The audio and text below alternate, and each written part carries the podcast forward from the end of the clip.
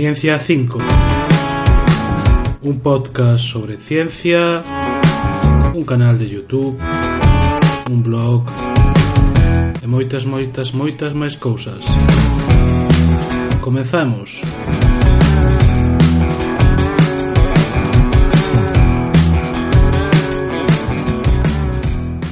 Bola, boas, outras un máis, xa nos queda moito pouquiño para rematar o libro, vale?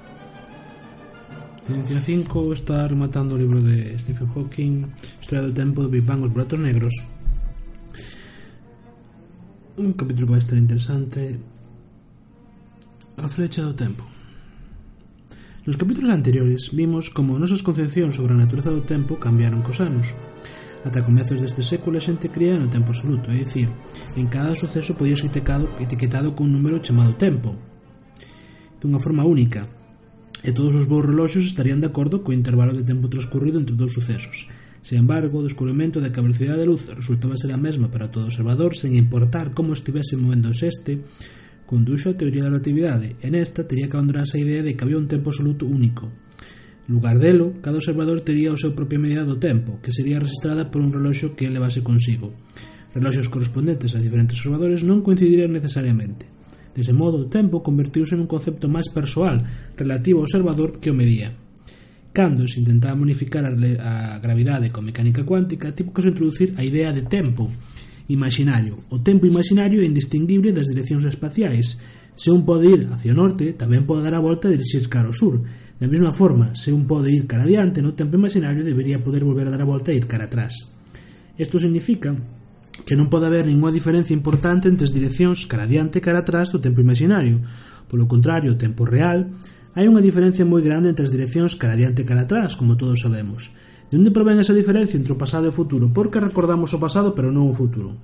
As leis da ciencia non distinguen entre pasado e futuro. Con máis precisión, como se explicou anteriormente, as leis da ciencia non se modifican baixo a combinación das operacións simétricas ou simetrías, perdón, coñecidas como CPT, C significa cambiar partículas por antipartículas, P significa tomar a imaxe especular de modo que esquerda e dereita se intercambien, T significa invertir a dirección de movimento de todas as partículas, en realidade executar o movimento hacia atrás. As leis da ciencia que gobernan o comportamento da materia en todas as situacións normais non se modifican baixo a combinación das dúas operacións C e P por si soas. En outras palabras, a vida sería exactamente a mesma para os habitantes de outro planeta que foran imaxes especulares de nosotros, e que estiveran feitos de antimateria en vez de materia. Se leis da ciencia non se poden modificar pola combinación das operacións CEP e tampouco pola combinación CEP e T, ten que tamén que permanecer inalteradas baixo a comparación TESOA. A pesar de todo, hai unha gran diferencia entre as direccións hacia diante e hacia atrás do tempo real na vida ordinaria. Imagina un vaso de auga caéndose dunha maisa e rompéndose en pedazos no chan. Se usted, se vostede filma en película, pode dicir facilmente se está aí sendo proxectada hacia diante ou hacia atrás Se proxecta hacia atrás, verá os pedazos repentinamente reuníndose no chan e saltar hacia atrás para formar un vaso inteiro na mesa. Vostede, vostede, vostede, dixen vostede, que para vostede pode dicir que a película está sendo proxectada cara atrás porque ese tipo de comportamento nunca se observa na vida ordinaria. Si se observa, os fabricantes de baixelas perderían o negocio. A explicación de que se dá usualmente de por que non vemos vasos rotos compoñéndose eles solos no perdón eh, no chan e saltando hacia atrás sobre a mesa é por, que proíbe a segunda lei da termodinámica. Esta lei di que calquer sistema cerrado en des, o desorden ou a entropía sempre aumenta co tempo. Noutras palabras, trátase dunha forma da lei de Murphy. As cousas sempre tenden a ir a mal. Un vaso intacto encima dunha mesa é un estado de orden elevado, pero un vaso roto no chan cun estado desordenado. Iso podese dicir dende que o vaso está sobre a mesa no pasado ata que o vaso roto no, so, no chan eh, no futuro, pero non ao revés. O que co tempo aumenta o desorden a entropía é un exemplo do que se chama a flecha do tempo, algo que distingue o pasado do futuro dando unha dirección do tempo. Hai polo menos tres flechas da tempo diferentes. Primeiramente, flechas. Primeiramente está a flecha termodinámica, que é a dirección do tempo na que o desorden a entropía aumenta. Logo está a flecha psicolóxica, a flecha psicolóxica. Esta é a dirección na que nosotros sentimos que pasa o tempo, a dirección na que recordamos o pasado pero non o futuro. Finalmente está a frecha cosmolóxica, esta dirección do tempo en que o universo está expandíndose en vez de contraéndose. Este capítulo, neste capítulo discutirase sobre a condición de que non haxa fronteira para o universo, xunto co principio antrópico débil. Pode explicarse por que as tres flechas apuntarán na mesma dirección e, ademais, por que debe existir unha flecha do tempo ben definida. Argumentarase que a flecha psicolóxica está determinada pola flecha termodinámica e que ambas flechas, ambas as dúas flechas, apuntan sempre necesariamente na mesma dirección. Se se admite a condición de que non haxa fronteira para o universo, veremos que teñen que existir flechas termodinámica e cosmolóxica do tempo ben definidas, pero que non apuntarán na mesma dirección durante toda a historia do universo. Non obstante, podese razonar que únicamente cando apunta na mesma dirección é cando as condicións son axeitadas para o desenvolvemento de seres inteligentes que podan facerse a pregunta por que aumenta o desorden na mesma dirección do tempo e que na que o universo se expande? Referireise, referirémonos primeiro á fecha termodinámica do tempo, A segunda lei da termodinámica resulta do feito de que hai sempre moitos máis estados dos ordeados que ordeados. Por exemplo, consideramos que as pezas dun ropez cabezas nunha caixa hai un orde, só un orde no cal as pezas poden formar unha imaxe completa. Por outra parte, hai un número moi grande de exposicións nas que as pezas están desordenadas e non forman unha imaxe. Supoñamos que o sistema comeza nun, nun en un de, perdón, en un de entre o pequeno número de estados ordenados. A maioría do tempo pasa o sistema evolucionará de acordo coas leis da ciencia e o seu estado cambiará. Nun tempo posterior é moi probable que o sistema este nun estado desordenado que nun ordenado, debido que hai moitos máis estados desordeados. Dese modo, o desorden tenderá a aumentar co tempo o sistema estará suxeito a unha condición inicial de orde elevado. Imaginemos que as pezas do rompecabezas están do quebracabezas. Dixen rompecabezas varias veces, é eh? quebracabezas. Así que volvemos para atrás, un dixen rompecabezas e quebracabezas. As pezas do quebra-cabezas están inicialmente nunha caixa de exposición ordenada da que forman unha imaxe. Se se axita a caixa, as pezas adquirirán un novo orde, que será probablemente unha disposición desordeada na que as pezas non forman a imaxe propiamente dita, simplemente porque hai moitísimas máis disposicións desordeadas. Algúns grupos de pezas poden tomar poden formar partes correctas da imaxe, pero canto máis se xita a caixa, tanto máis probable será que os grupos se desfagan e que as pezas as atope nun estado completamente revolto, no cal non forme ningún tipo de imaxe. Por lo tanto, a desorde das pezas aumentará proba eh, probablemente co tempo se as pezas obedecen a condición inicial de comenzar cun orde elevado, cunha orde elevada. Supóñase, sen embargo, que Deus decidiu que o universo debe terminar ou debe rematar nun estado de orde elevado, sin importar de que estado partise. Nos primeiros momentos, o universo estaría eh, probablemente nun estado desordeado, Isto significa que o desorde aumentaría co tempo. Usted vería vasos rotos recoméndose de solos, saltando cara a mesas, sen embargo, ningún ser humano que estivese observando os vasos estaría vivindo nun universo no cal o desorde, a desor, o seu desorde, diminuíse co tempo. Nos razonaremos que tales seres tendrían unha fecha psicolóxica do tempo que estaría apuntando cara atrás. Isto é, eles recordarían sucesos no futuro e non recordarían sucesos no pasado, Cando o vaso estivese roto, recordarían o recomposto sobre a mesa, pero cando estivese recomposto sobre a mesa non o recordarían estando no chan. Este é bastante, eh, é bastante difícil falar de memoria humana, porque non coñecemos como funciona o cerebro en detalle.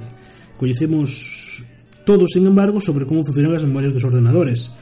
De, discutirase, polo tanto, que a flecha psicolóxica do tempo para ordenadores.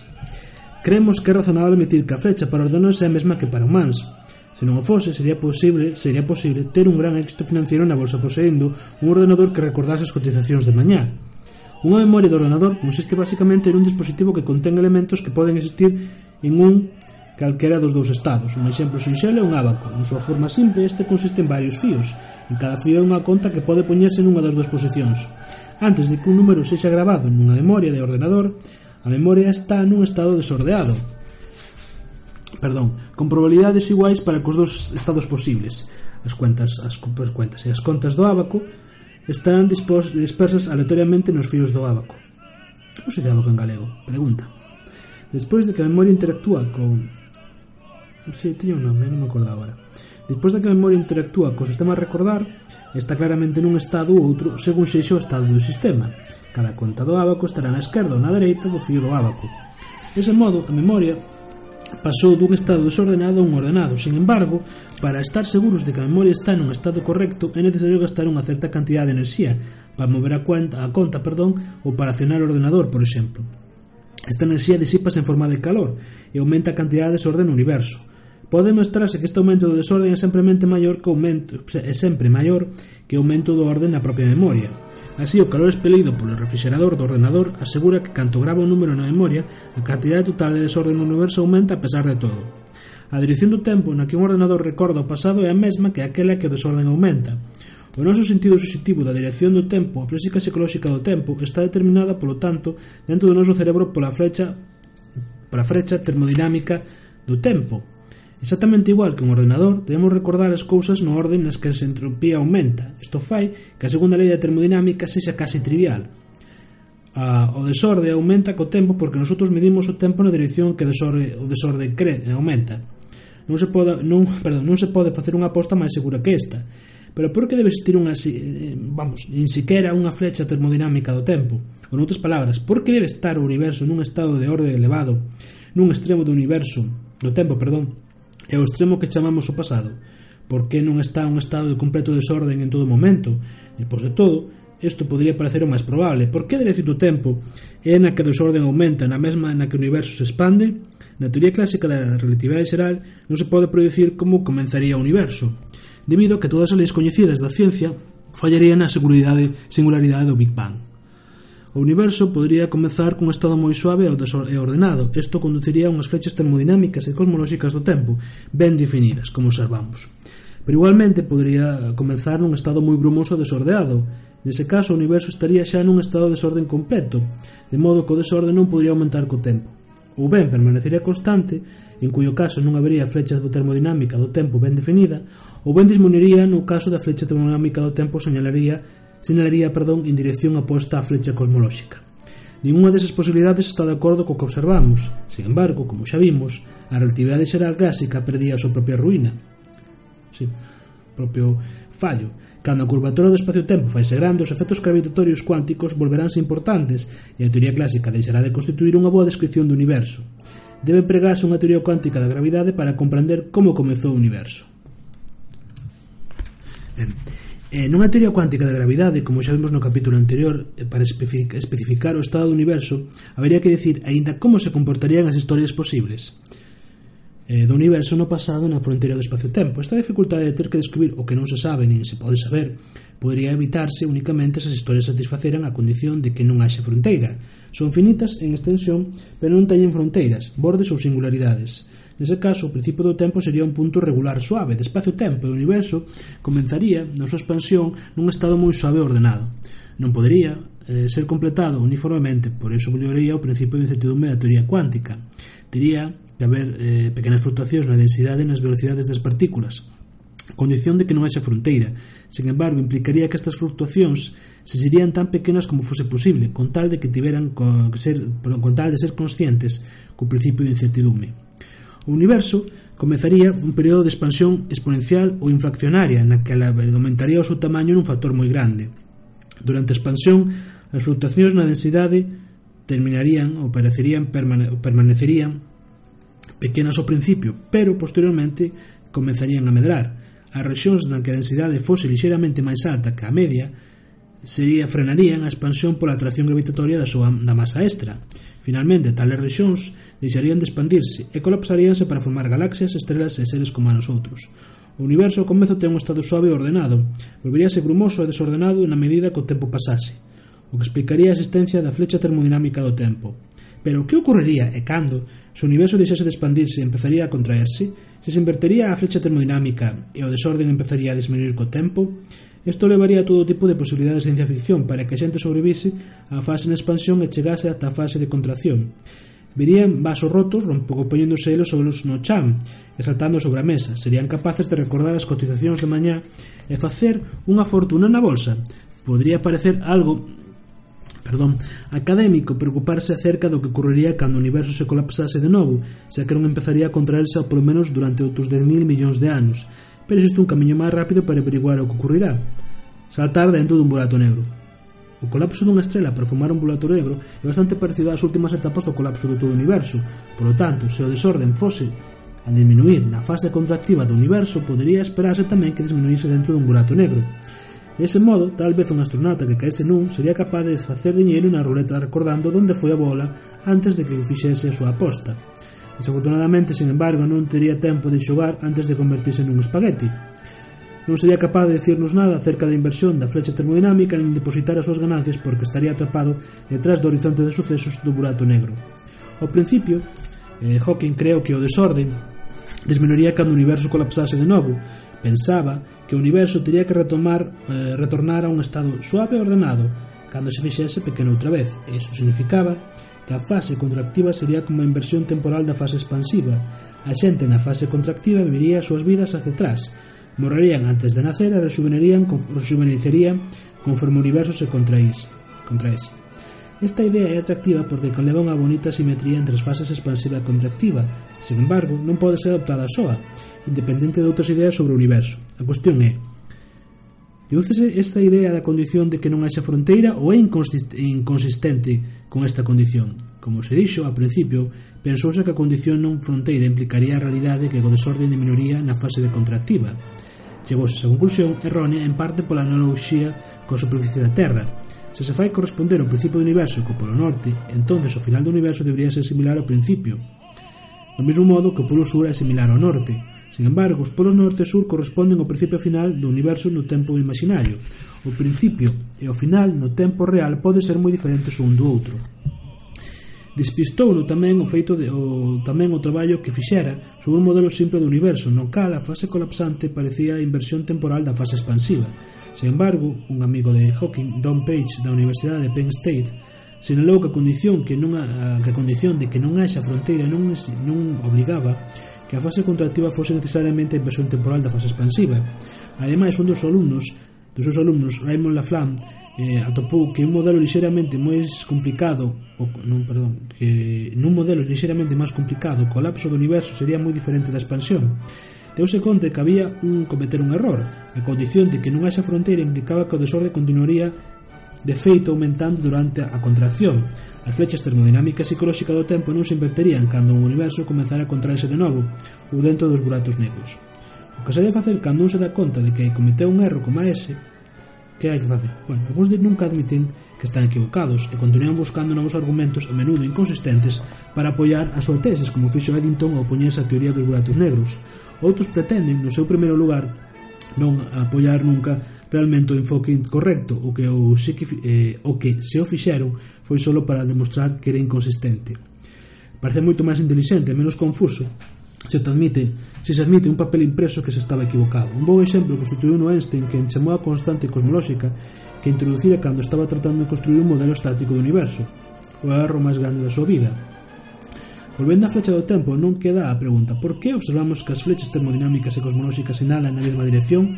Noutras palabras, por que aumenta o desorden na mesma dirección na que o universo se expande? Se se pensa que o universo se expandirá e que depois se contraerá de novo como a proposta non fronteira, parece indicar, xurde, a cuestión de por que debemos estar na fase expansiva en vez da fase contractiva. Esta cuestión parece pode responderse seguindo o principio entrópico débil. As condicións na fase contractiva non serían axeitadas para a existencia e de seres intelixentes que poden facerse a pregunta por que está aumentando o desorden na mesma dirección do tempo en a que o universo se está expandindo, a inflación nas etapas tempranas do universo, que a proposta non fronteira predice, significa que o universo ten que estar expandíndose nunha velocidade moi próxima á velocidade crítica, a que evitaría colapsarse de novo, e dese modo non colapsaría en, en moito tempo. Para entón, todas as estrelas que queimaríanse e os protóns e neutróns desintegraríanse probablemente en partículas lixeiras e radiación. O universo estaría nun estado de desorde case completo, non habería ningunha flecha termodinámica clara do tempo e o desorde non podría aumentar moito debido a que o universo estaría xa nun estado de desorde case completo. Sen embargo, unha flecha termodinámica clara é necesaria para a vida inteligente funcione. Para sobrevivir os seres humanos teñen que consumir alimento, que é unha forma ordenada de enerxía, e convertir en calor, que é unha forma desordenada de enerxía. Por lo tanto, a vida inteligente non pode existir na fase contractiva do universo, Esta explicación de por que observamos as flechas termodinámica e cosmolóxica de tempo senala na mesma dirección. Non é que a expansión do universo faga un desorde aumente, máis ben trátase de que a condición de non fronteira fai que o universo co desorde aumente nas condicións e que as condicións, perdón, sexan axeitadas para a vida inteligente só na fase expansiva. Para resumir, a lei da ciencia non distingue entre as direccións cara adiante e cara atrás do tempo. Sin embargo, hai polo menos tres frechas do tempo que se distinguen o pasado do futuro. Son a flecha termodinámica a dirección do tempo na cal o desorden aumenta, a flecha psicolóxica a dirección do tempo según cal recordamos o pasado e non o futuro, e a flecha cosmolóxica a dirección do tempo na cal o universo se expande en vez de contraerse. Eh, demostrou eh, Stephen Hawking que a flecha psicolóxica é esencialmente a mesma que a flecha termodinámica, de modo que as dúas senalan sempre na mesma dirección, A proposta de non fronteira para o universo perdía a existencia dunha flecha termodinámica do tempo, ben definida debido ao que o universo tivo que comenzar nun estado suave e ordenado. A razón de que observemos esta flecha termodinámica coincide coa flecha cosmolóxica, e é que seres intelixentes só poden existir na fase expansiva. A fase contractiva sería inaxeitada debido a que non se posúe unha flecha termodinámica clara no tempo. O proceso de o, perdón, o progreso da raza humana na, con, na comprensión do universo creou un pequeno rincón de orde no universo cada vez máis desordenado. Se recorda cada palabra deste libro, a súa memoria gravou alrededor de 2 millóns de unidades de información, A orde no seu cerebro aumentou aproximadamente 2 millóns de unidades, Sin embargo, mentre vostede estivo lendo este libro, convertiu polo menos 1000 calorías de enerxía ordenada en forma de alimento, en enerxía desordenada, na forma de calor que vostede cede ao aire no seu alrededor a través de convección e sudor. Este aumentaría o desorden do, uni do universo nunhos 20 billóns de billóns de unidades, aproximadamente 10 millóns de billóns de veces o aumento de orden do seu cerebro. Eso se vostede recorda todo o que hai neste libro. O próximo capítulo tratarase de aumentar un pouco máis o orden deste rincón, explicando como se está tratando de acoplar as teorías parciais que se describiron para formar unha teoría unificada completa que explicaría todo o universo.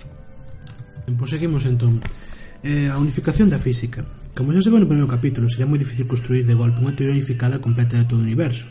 Así que, en lugar delo, o que se fixeron foron progresos por medio de teorías parciais que describen unha gama limitada de acontecementos e omiten outros os aproximan por medio de certos números. A química, por exemplo, permítenos calcular as interaccións entre átomos sin coñecer a estrutura interna do núcleo dun átomo. Na última instancia, tens a esperanza de atopar unha teoría unificada, consistente e completa que incluiría todas as teorías parciais eh, como aproximacións e que para que cuadraran os feitos non necesitaría ser axustada mediante a selección duns valores de algúns números arbitrarios.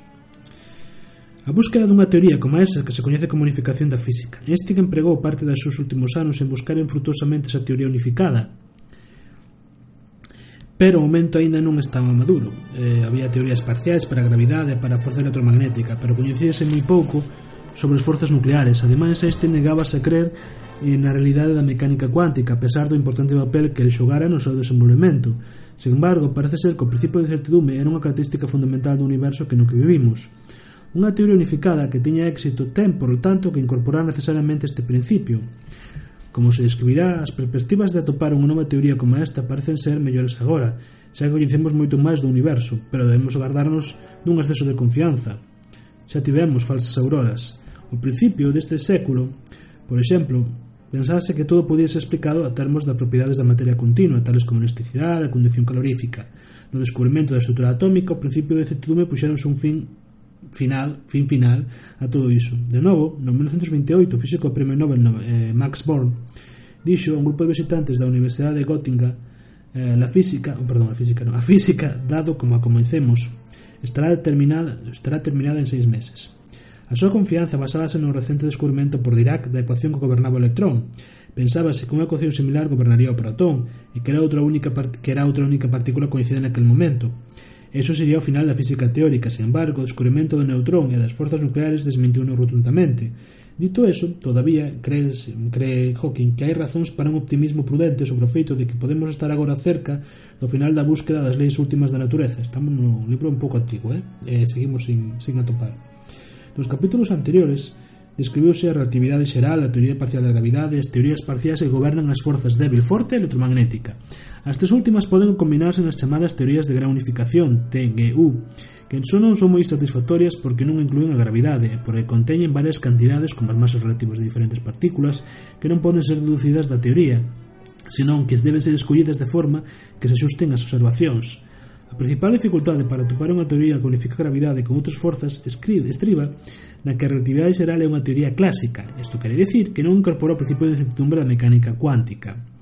Por outra parte, as outras teorías parciais dependen da mecánica cuántica de forma esencial, un primeiro paso necesario por conseguinte que consiste en combinar a relatividade xeral co principio de certidume, como xa se viu, ten algunhas consecuencias moi notables, como son por os buratos negros que non señan negros, e que o universo non teña ninguna singularidade, senón que sella completamente autocontido e sin unha fronteira. O problema é como se explicou no capítulo 7, que o principio de incertidume implica que o espacio vacío, valeiro, perdón, está cheo de pares de partículas e antipartículas virtuais. Estos pares terían unha cantidad infinita de enerxía, por o conseguinte, a través da famosa ecuación de Einstein, terían unha cantidad infinita de masa. A súa atracción gravitatoria curvaría, polo tanto, o universo ata un tamaño infinitamente pequeno. De forma bastante similar, atópanse infinitos aparentemente absurdos noutras teorías parciais, pero en todos eles estes casos os infinitos poden ser suprimidos mediante un proceso de renormalización, que supón cancelar os infinitos introducindo outros infinitos. Aínda nesta técnica bastante dubidosa matemáticamente pode funcionar na práctica, e foi utilizada nesas teorías para obter predicións, cunha precisión bastante boa e concordan cos observacións. A, renormalización, sen embargo, presenta un serio inconvinte a teoría de, eh, inconvinte a hora de topar unha teoría completa, xa que implica que os valores reais das masas e as intensidades das forzas non poden ser deducidos da teoría, senón que deben ser escollidos para axustalos nas observacións. As intentar incorporar o principio de certidumbre na relatividade xeral, disponse de só dúas cantidades que poden axustarse a intensidade da gravidade e o valor da constante cosmolóxica, pero o axuste desas cantidades non é suficiente para eliminar todos os infinitos. Tense, polo tanto, unha teoría que parece predecir para determinadas cantidades como a curvatura espacio-tempo son realmente infinitas, a pesar do cal pode observarse e medirse como perfectamente finitas. Durante algún tempo sospeitouse a existencia do problema de, com de combinar a relatividade xeral e o principio de certidumbre.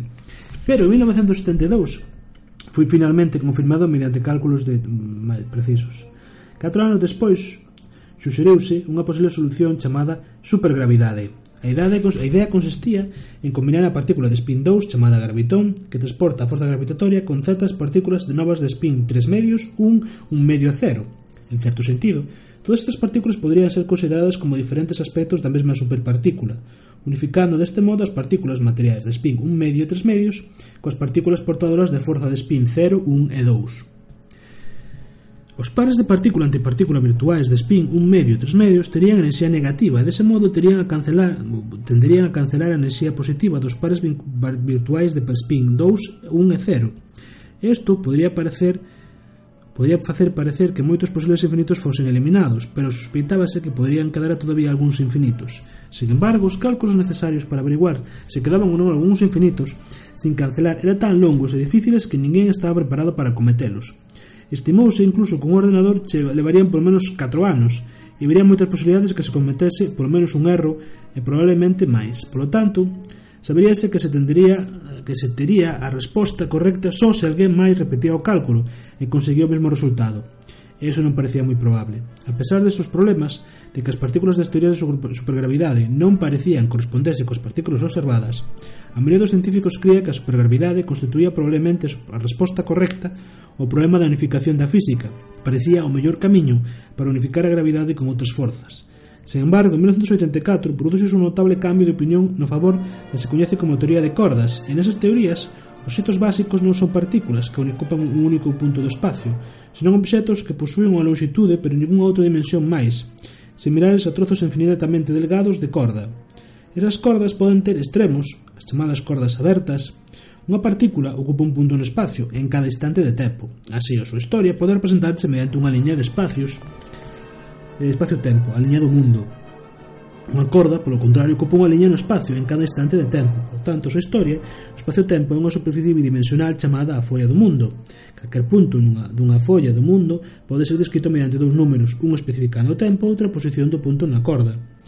A folla do mundo dunha corda aberta é unha cinta. Os seus bordes representan os camiños a través do espacio-tempo dos extremos da corda. A folla do mundo nunha corda cerrada é un cilindro ou un tubo. Unha rebanada transversal do tubo é un círculo que presenta a posición da corda nun estante particular. Dos fragmentos de corda poden xuntarse para formar unha única corda. No caso de cordas abertas simplemente únese polos extremos, mentres que no caso de cordas cerradas a unión é similar a dúas pernas dun par de pantalóns xuntándose. De forma análoga, o único fragmento de corda que pode dividirse en dúas cordas. Nesas teoría, nesa teoría de cordas, o que anteriormente se consideraban partículas, descríbese agora como ondas viaxando pola corda, como as ondulacións dunha corda vibrante dunha cometa. A emisión e absorción dunha partícula por outra corresponde á división ou reunión de partículas. Por exemplo, a forza gravitatoria do Sol sobre a Terra descríbese en teorías de partículas como causada pola emisión dun gravitón por unha partícula no Sol e a súa absorción por unha partícula na Terra. Na teoría de cordas, ese proceso corresponde ao tubo ou cañería en forma de H, A teoría de cordas, en certo modo, parece bastante a fontanería. Os dous lados verticais da H corresponden ás partículas do Sol e na Terra e o largueiro transversal corresponde ao gravitón que viaxe entre elas. A teoría de cordas ten unha historia curiosa. Se inventouse a finais dos anos 60 en un intento de atopar unha teoría para describir a interacción forte. A idea consistía que as partículas como o protón e o neutrón poderían ser consideradas como ondas nunha corda, A interacción forte entre as partículas correspondía a fragmentos de corda que se estenderían entre os trozos de corda como a tela de araña.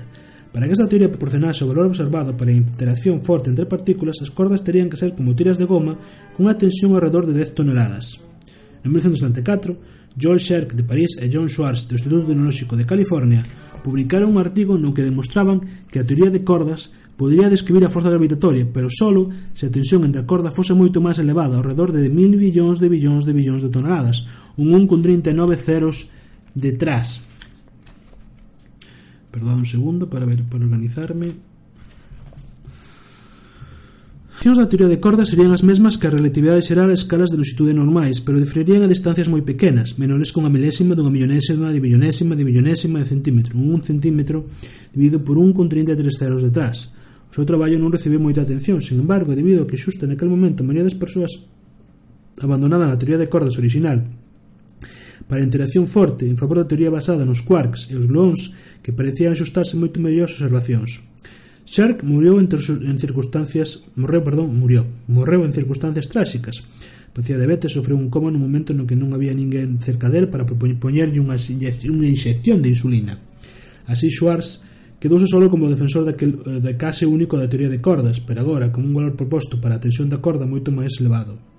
No 84, o interese polas cordas suscitou de repente, aparentemente por dúas razóns. Unha, ela, unha delas era que a xente non estaba facendo en realidade moitos progresos, no camiño de demostrar que a supergravidade era finita ou que podía explicar os tipos de partículas que observábamos.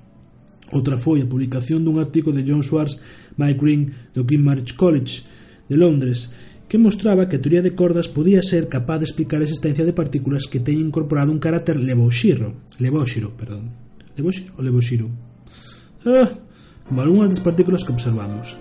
Calesquera que foran as razóns pronto, pronto se cedo, ten pouco tempo despois un gran número de persoas comezou a traballar en teoría de cordas e desenvolveuse unha nova versión, as chamadas cordas heteróticas que parecía que poderían que podían explicar os, os tipos de partículas que observamos. As teorías de cordas tamén conducen a infinitos, pero pénsase que todos eles desaparecerán en versións como as das cordas heteróticas, e isto non se sabe ainda con certeza a escritura deste libro.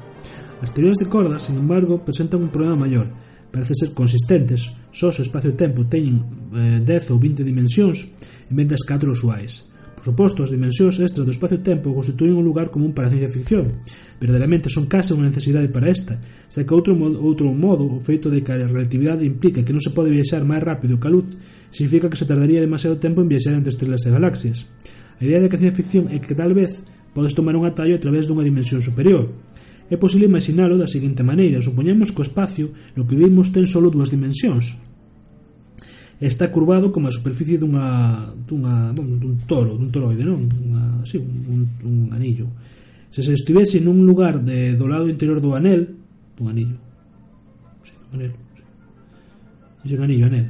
Eh, se quixese un punto situado enfrente, teríase que ir ao redor dun lado interior do anel. Sin embargo, se un fose capaz de viaxar na terceira dimensión, podría cortar en liña recta. Polo que, por que non notamos todas estas dimensións extras se estamos realmente ali, se están realmente aí? Por que vemos solamente tres dimensións espaciais e unha temporal? A suxerencia é que as outras dimensións están curvadas nun espacio moi pequeno, algo así como unha billonésima dunha billonésima dunha billonésima dun centímetro. É tan pequeno que sinceramente non o notamos. Veo solamente unha dimensión temporal e tres espaciais e nas cales o espacio-tempo é bastante plano. É como a superficie dunha naranxa. Se se mira desde moi, desde moi cerca está toda curvada e arrugada, pero se se mira a distancia non se ven as protuberancias e parece ser lisa. O mesmo ocorre co espacio-tempo, unha escala moi pequena ten 10 dimensións, está moi curvado, pero escalas maiores non se ven nin na curvatura nin dimensións extras. Se esta imaxe fose correcta, presese, eh, bueno, permitiría, bueno, daríanos información dunhas malas noticias para os aspirantes a viaxeiros. As dimensións extras serían como moito demasiado pequenas para admitir unha nave espacial inteira. Plantea, plantexa, sen embargo, outro problema importante.